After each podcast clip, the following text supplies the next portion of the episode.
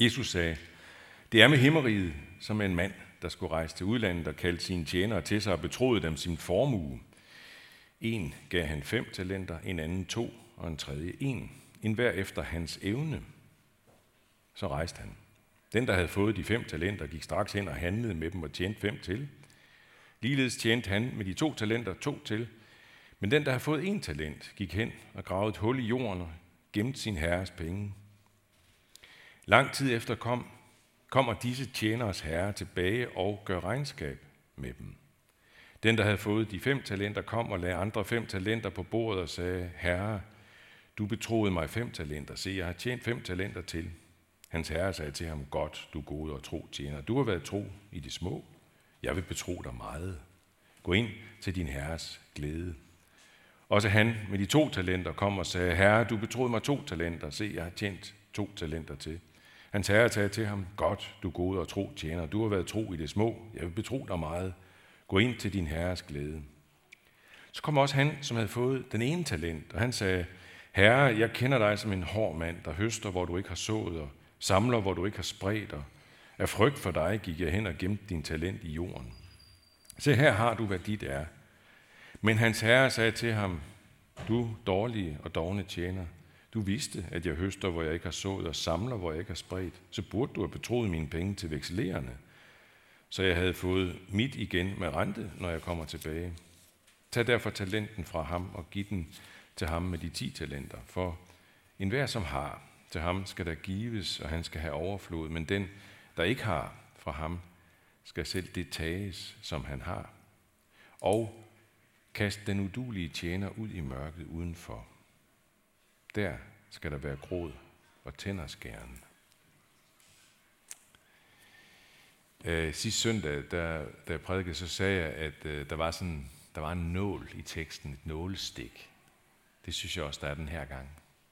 Det synes jeg tit, der er, som jeg også sagde sidste søndag. I det glade budskab, så er der noget, der stikker. Noget ubehageligt. Kast den udulige tjener ud i mørket udenfor. Der skal der være gråd og tænderskæren. Altså Jesus fortæller her en virkelig øh, interessant, tankevækkende lignelse, som giver plads til 17 prædikner om det her med talenter og evner og betroelsen og, og alt det her. Ikke? Og så får vi lige et nålestik til sidst, til allersidst. Brug, brugen af evner og talenter, eller manglen på brugen af evner og talenter, ja, det stiller os i en enorm øh, risikozone, kan man sige. Det har ufattelige konsekvenser. Der er risiko for at blive sendt ud i mørket, i gråd og tænderskæren. Og det er jo et ordvalg, som, som vi støder på flere gange hos Jesus, i lignelser og forskellige sammenhænge også, andre steder, hvor, hvor det helt umisforståeligt handler om et meget ubehageligt tema, nemlig det om fortabelse og helvede.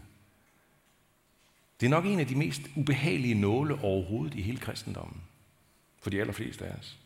Og for tiden, der kører der en, en, en gevaldig debat igen, igen i Kristi Dagblad om det her. Øh, og, og hvor der er en, en hel stribe af præster og teologer i den danske folkekirke, som giver udtryk for, at, øh, at det her, det vi misforstår Jesus fuldstændig, og, og, og ja, på forskellige måder, så prøver de for, at få det til at forsvinde fuldstændig, det her med fortabelsen. Fuldstændig. Og så er vi nogen, der, der prøver at komme med indlæg imod, skrive indlæg imod, og, Faktisk så er vi tre stykker, som nu er i gang med at lave en bog sammen med, vi har fået en masse andre til at skrive også, og den kommer til maj måned, og vi prøver virkelig at, om det her tema. Ikke?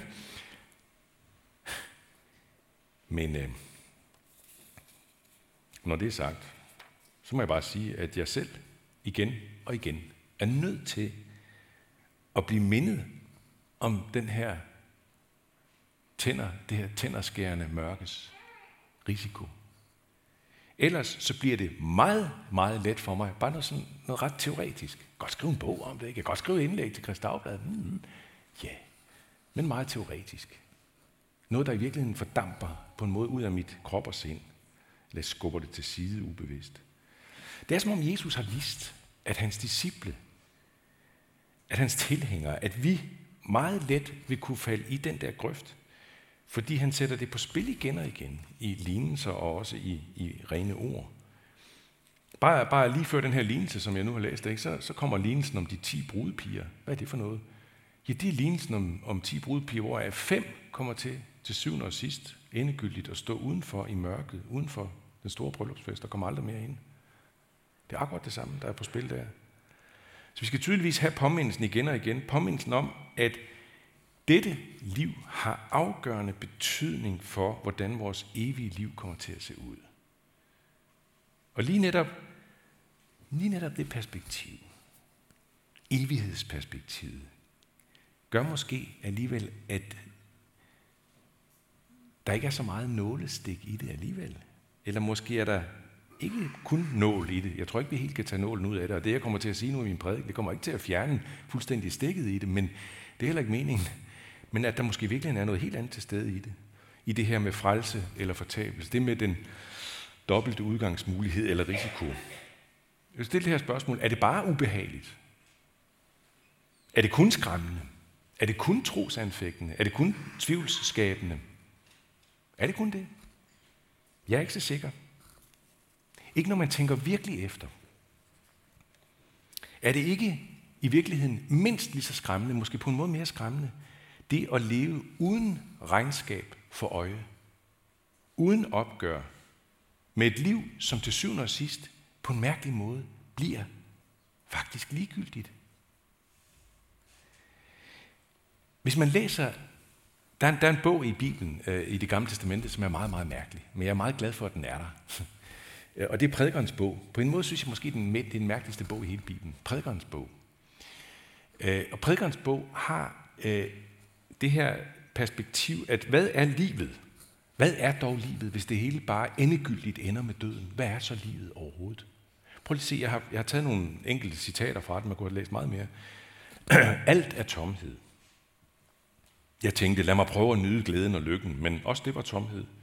Jeg satte store ting i gang. Jeg byggede mig hus og plantede vingård. Jeg anlagde haver og parker og plantede alle slags frugttræer i dem, og så fortsætter han ellers der i teksten med en hel masse andre eksempler på, hvad han ligesom rejser jeg blev mægtig og nåede længere end nogen, der havde været før mig i Jerusalem, og min visdom havde jeg i behold. Så siger han lidt mere om det, så kommer han til, men da jeg så så tilbage på alt det, mine hænder havde udført, og på det slid, jeg havde haft med at udføre det, der var det alt sammen tomhed og jagen efter vind, og der var ikke nogen, noget udbytte af det under solen. Så vendte jeg blikket mod visdom og mod dumhed og dårskab. Men så kommer han til den her. Man husker hverken den vise eller tåben, for inden længe vil alt være glemt. Ak, både den vise og tåben, må dø. Et menneske kan have slidt med visdom og kundskab og dygtighed, men må give det hele i arv til et menneske, som ikke har slidt med det. Også det er tomhed og et stort onde. Hvad har et menneske ud af det, han med flid har slidt med under solen? Alle hans dage har været smerte og kvalfuld plage. End ikke om natten fandt hans hjerte ro. Også det er tomhed. Og der er meget mere af det i prædikernes bog. Prøv at læse den en gang. Og det her, det er jo et udtryk for livets tomhed til syvende og sidst, når der ikke er andet end dette liv. Øh, der er en polsk forfatter, jeg indrømmer, jeg har ikke læst ham, men jeg har læst nogle citater af ham. Øh, han var Nobelprisvinder, han hed øh, Czeslaw Milos. Og han har skrevet et essay om noget her, som er enormt interessant. Han har en meget skarp iagttagelse af det der, som I ved, Karl Marx, som han lukkede ud, det her med, at øh, religion, det er opium for folket. Det er folkets opium. Hvad mente Marx med det? Jo, han mente jo, at alle de fattige arbejderklasser osv., de fik puttet noget opium ind, så de ikke gjorde noget ved deres fattigdom osv. Fordi opiumet, det var, at jamen, du får jo evigt liv, du har paradis i vente. Det var det, religionen sagde, ikke? Der er paradis i vente. Bare du tror, så, kommer, så bliver alt godt en gang. Så gjorde de ikke noget ved deres liv nu. Opium for folket, sagde han. Men nu skal I høre, Czeslaw Milos, han havde så en helt anden pointe der. Prøv at se, hvad han siger. Men nu er vi vidne til en ganske anden opfattelse. Folkets virkelige opium er en tro på intetheden efter døden. Den store trøst, der ligger i at tænke på, at vores svigt, grådighed, fejhed, mor ikke vil blive dømt.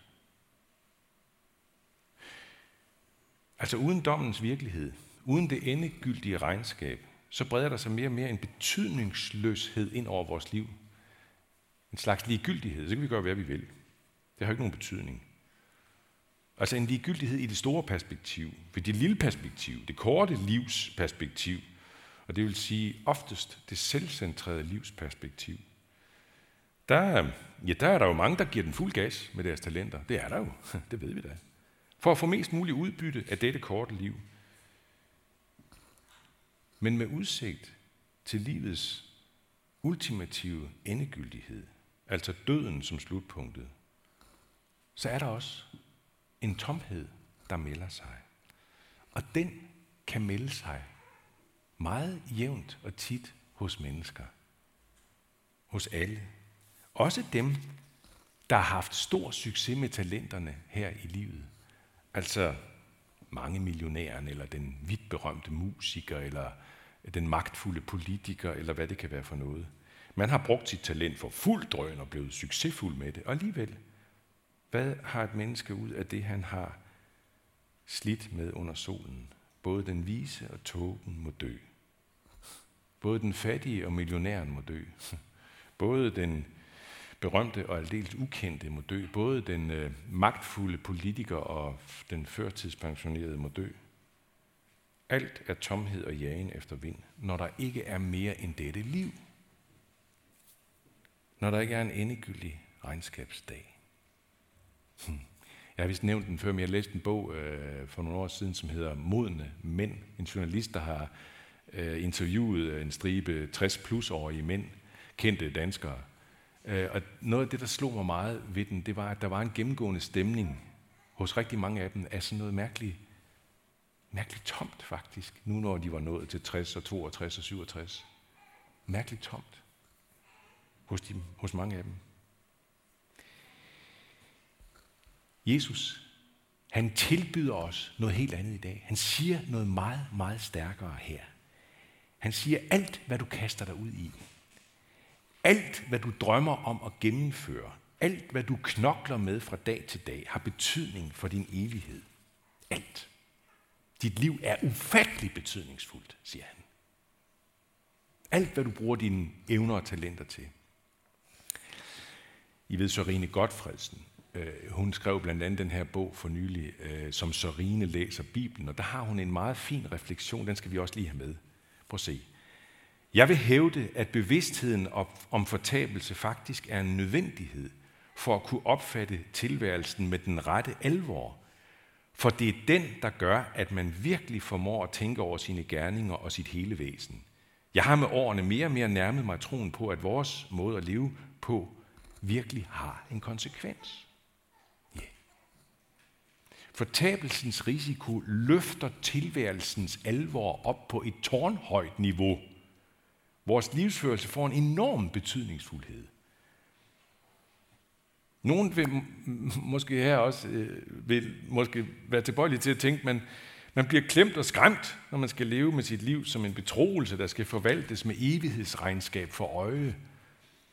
Men hvad om det modsatte lige så vel kan være sandheden? At man bliver stor af det. At man rejses op med sit lille liv, med sine små eller store eller mellemstore talenter. Alt har betydning. Alt. Det mindste talent har betydning. Tænk på det, når du i morgen tager fat på en ny uge med studier, eller med ferie, hvad ved jeg, med arbejde, med børnepasning, med familiesamvær, med vennesamvær, med, med, øh, med din frivillige tjeneste i bykirken, hvis du har sådan en. Når du får den hyggelige snak med, med din nabo, eller med din studiekammerat, med din arbejdskammerat. Når du kysser ægtefælden, når du øh, krammer dit barn, når du øh, krammer kæresten, det er alt sammen betroet gods. Det er alt sammen betroet gods, hele dit liv. Det er betroet gods, som skal forvaltes med evigheden for øje. Det er betroet gods, som godsforvalteren en dag kommer og vil have tilbage. Med renters rente i det mindste.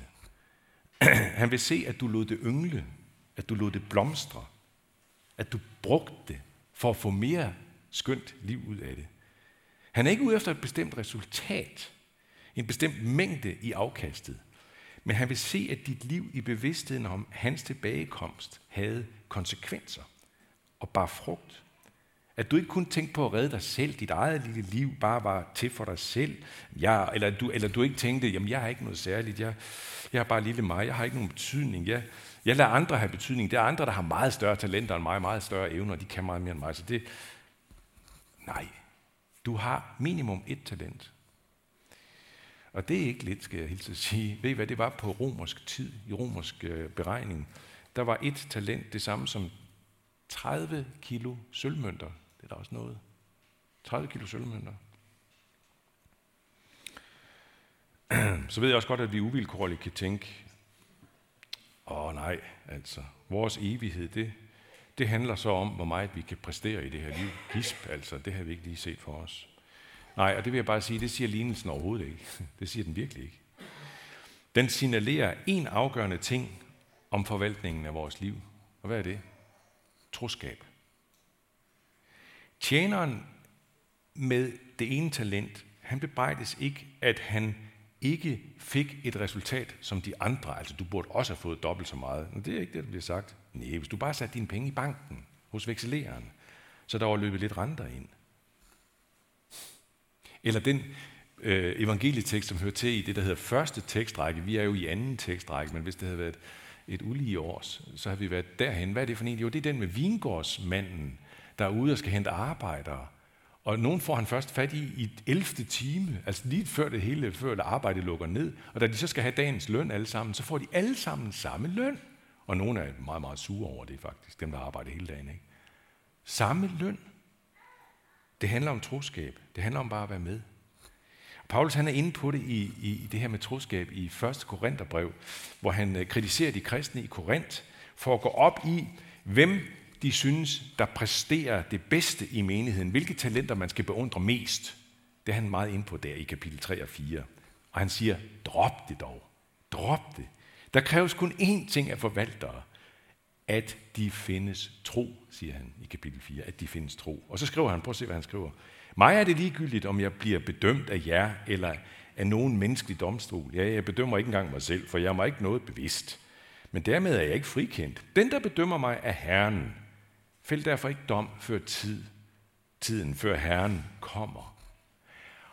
Og så siger han i næste vers, det er et vers, som jeg faktisk har gået og mediteret over de sidste uger, som jeg synes er så skønt. Han skal bringe for lyset, hvad der er skjult i mørket, og åbenbare, hvad hjerterne vil. Og så skal han være at få sin ros fra Gud.